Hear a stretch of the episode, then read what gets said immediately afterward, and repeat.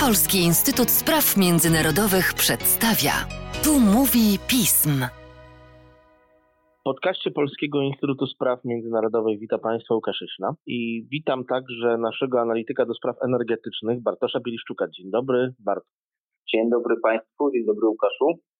Ukazał się Twój biuletyn poświęcony kwestiom Nord Streamu 2. Jest to kwestia, która zresztą budzi nasze zainteresowanie cały czas. Piszemy o niej w piśmie sporo i w tekstach, na naszych portalach społecznościowych, ale zawsze tą kwestię warto uzupełniać, zwłaszcza w kontekście relacji energetycznych tutaj w Europie Środkowej i Wschodniej. Zwłaszcza, że w samej Polsce czasami pewnych faktów się nie zna. Byłbym Ci bardzo wdzięczny za próbę podsumowania tego, jak bardzo i czy kwestia próby otrucia Aleksja Nawalnego, już na szczęście zdrowiącego w Berlinie, wpłynęła na debatę niemiecką dotyczącą Nord Streamu 2 i jego potencjalnego ukończenia. Pojawiały się w Polsce głosy, że ta debata się bardzo w Niemczech zmieniła. Czy to prawda? Tak, zdecydowanie to prawda.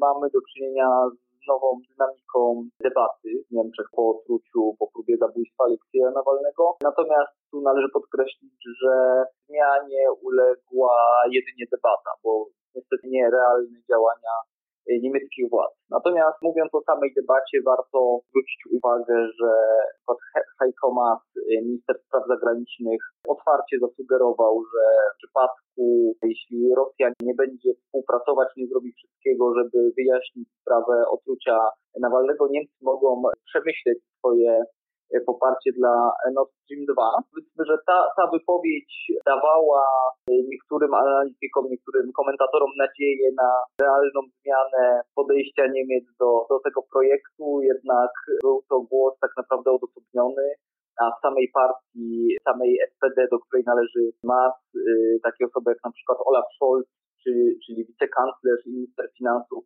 bardzo mocno opowiedział się za, za finalizacją Nord Stream 2. Peter Altmaier, który jest bliskim współpracownikiem Merkel, w ogóle zakwestionował skuteczność sankcji i nadal wspiera Nord Stream 2. Podobnie Angela Merkel nie wypowiedziała się jednoznacznie za porzuceniem poparcia dla projektu, już nie wspominając o chociażby premierach landów wschodnich, którzy bardzo mocno popierają projekt.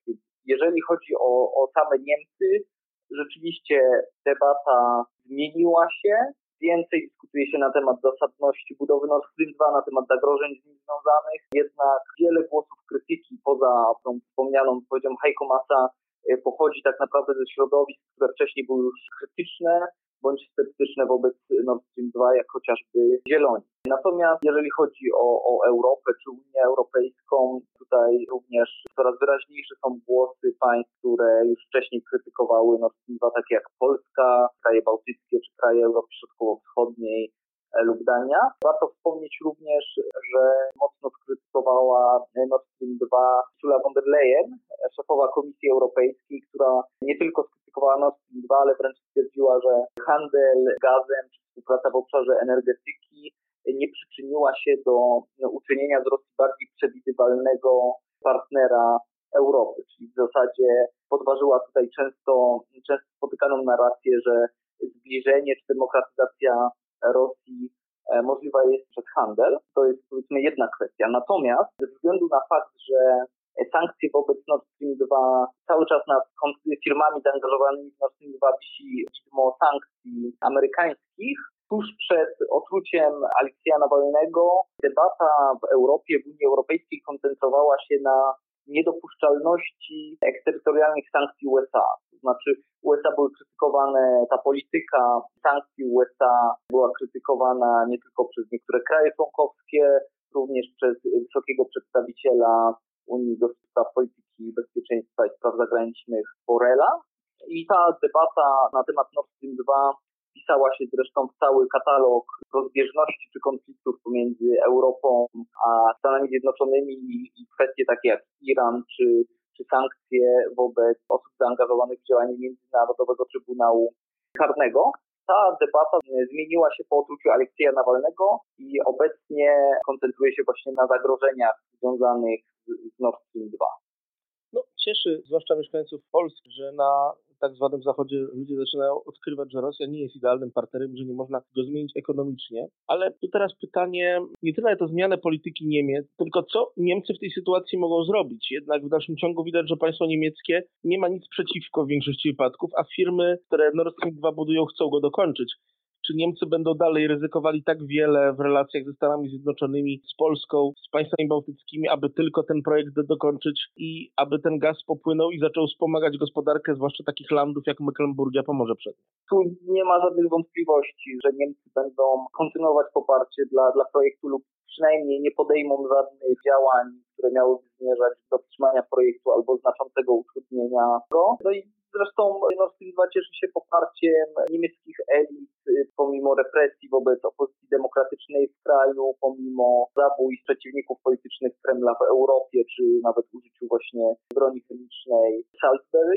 Żadne z tych wydarzeń, żadne z aktów agresji Kremla nie zmieniło poparcia Niemiec, więc tutaj trudno oczekiwać, żeby próba zabójstwa Nawalnego coś zmieniła. Tutaj też warto dodać, że Niemcy są też w pewnym sensie teraz zakładnikami swojej własnej polityki, którą przyjęli na samym początku projektu, to znaczy bardzo mocne zakulisowe wsparcie dla Nord Stream 2, w które zaangażowana jest niemiecka dyplomacja, a jednocześnie podkreślanie, że jest to projekt, na który Niemcy bezpośrednio nie mają wpływu, jest to projekt biznesowy, w który zaangażowane są prywatne spółki i podmioty. Więc jeżeli przez tyle lat Berlin twierdził, że jest to E, projekt biznesowy, że przyczyni się do ekonomicznych korzyści dla Europy.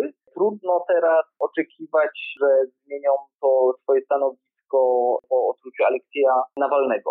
Narzędzia pewne istnieją, między innymi ustawa o stosunkach gospodarczych z zagranicą, która daje rządowi niemieckiemu możliwość objęcia sankcjami, przyjęcia obostrzeń wobec podmiotów zaangażowanych w niektóre, niektóre projekty. Teoretycznie mogłoby to także dotyczyć Nord Stream 2, jednak ta ustawa wymaga między innymi uzasadnienia, że działalność danych podmiotów zagraża bezpieczeństwu publicznemu, bezpieczeństwu Niemiec lub na przykład pokojowemu współistnieniu e, narodów. Dodatkowo wymaga też od władz określenia konkretnego celu, jaki miałby zostać osiągnięty przez przyjęcie obostrzeń. Więc teoretycznie da się wykazać, że e, Nord Stream 2 wspiera rosyjskie władze, służby specjalne, zresztą jest przecież kontrolowany przez bliskich ludzi Putina.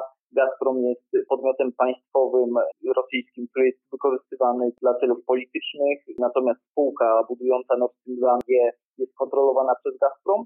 Ale jeżeli przez tyle lat Niemcy przyjęli stanowisko, że Nord Stream 2 jest korzystnym projektem, nie ma żadnych istotnych zagrożeń z nim związanych, to nie widzę możliwości, żeby teraz nagle po otruciu Nawalnego stwierdziły, że trzeba koniecznie wprowadzić sankcje czy obostrzenia, ponieważ projekt zagraża bezpieczeństwu.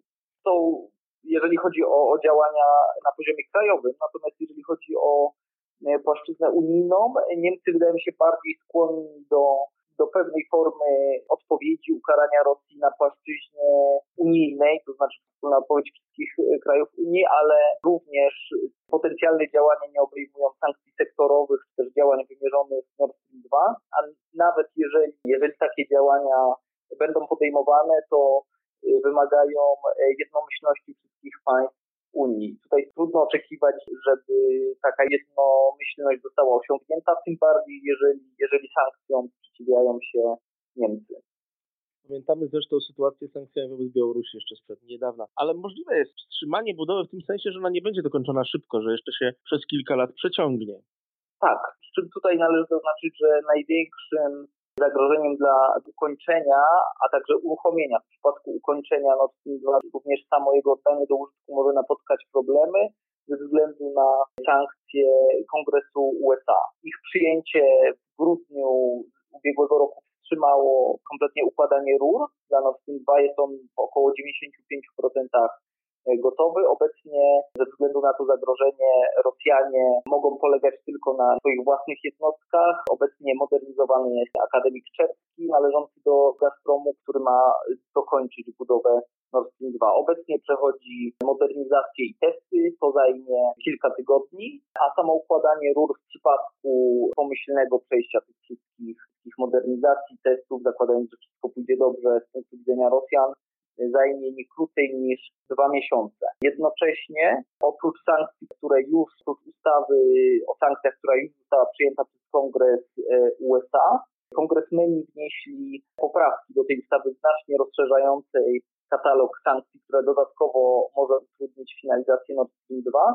Te poprawki zostały włączone do budżetu obronnego Stanów Zjednoczonych, które zostaną podpisane po wyborach prezydenckich, najwcześniej tuż po wyborach prezydenckich, a najpóźniej do, do połowy grudnia. Więc y, ta nowa ustawa rozszerzająca sankcje zostanie przyjęta pomiędzy listopadem a, a połową grudnia. Do tego czasu na pewno Nord Stream 2 nie zostanie ukończony. Trudno tutaj mówić o jakiejś konkretnej dacie, trudno mówić o czymkolwiek z pełną pewnością.